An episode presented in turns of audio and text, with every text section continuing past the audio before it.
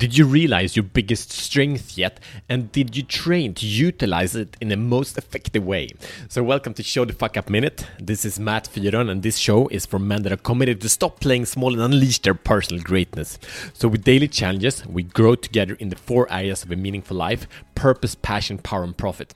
So, the problem is, uh, we are like right now over a month into the pandemic, and that is a situation, it's an obvious situation. I will share with you an epic formula in a moment. And some people are stronger than ever, and some are weaker than ever. And and and no, the question is like, let's find out the lever that can give you the leverage that you deserve, that you possibly could have in the best possible situation. If it makes sense.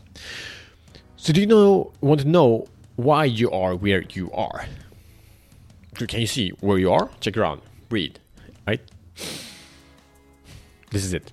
So the situation you are in now is an outcome, and it's an outcome of two things, and that is a situation and it's a response. So situation plus response equals outcome. Does it make sense? You can draw that back over and over again, right? So everyone around the world are in the same situation with this threat of the pandemic, right? But people have responded very differently to it. So when we have this this formula, we need that we cannot affect the situation directly. The situation is as it is, but we can affect the response, therefore control our outcome. Hope that makes sense. So, what is the solution? Let's control the response, and then we control the outcome. But how do we control the response? But how? Why are people responding in different ways? Right? These are some big questions. So the response comes out another formula. So response equals identity plus vision plus state. So if you control these things, you will control the response you have, meaning you will control the outcome. Okay. So what is it like? So the identity, like who are you? I'm identifying as you know a powerful person or someone that's like always failing. That's a different thing because we always make sure that our identity is proven. No matter if it's a positive or negative identity, we do everything in our world to prove that our identity is wrong, right, right? We can't do anything else. That's a blueprint, and we prove it's right, it's right, it's right, it's right. The moment we change our identity, everything shifts.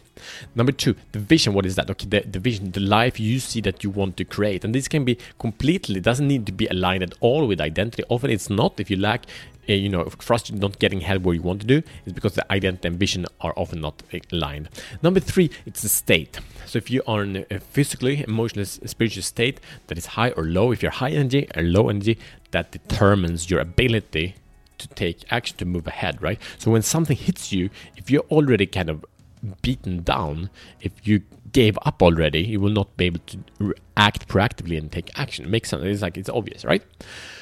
So let's look into this.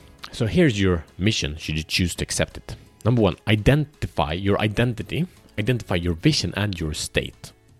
So where are you at? Where are these things right now? And when your identity, it's easy. A lot of people are confused there because they start speaking about who they would like to be. And that's very nice, but that's more your vision. So actually, who are you now? You can look in the in the results that, that you have now in your life, in the four areas that we speak about of of purpose, of passion, of power and profit. You look in your uh, around you because if you see that, you will see who your identity is. Right? So identify these things where you are. And then question number two: Are you uh, are are, are sorry? Let's take it again.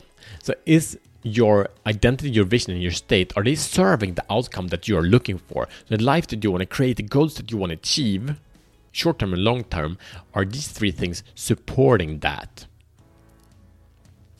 If you find the answer to be no, it's no problem. So then the question is one of these three need to change, right? Since the since the these three identity plus vision plus state creates the response, and the response creates the outcome. So then you want to change the outcome, you got to change one of these three. So find the thing that you are furthest away from and re-identify that.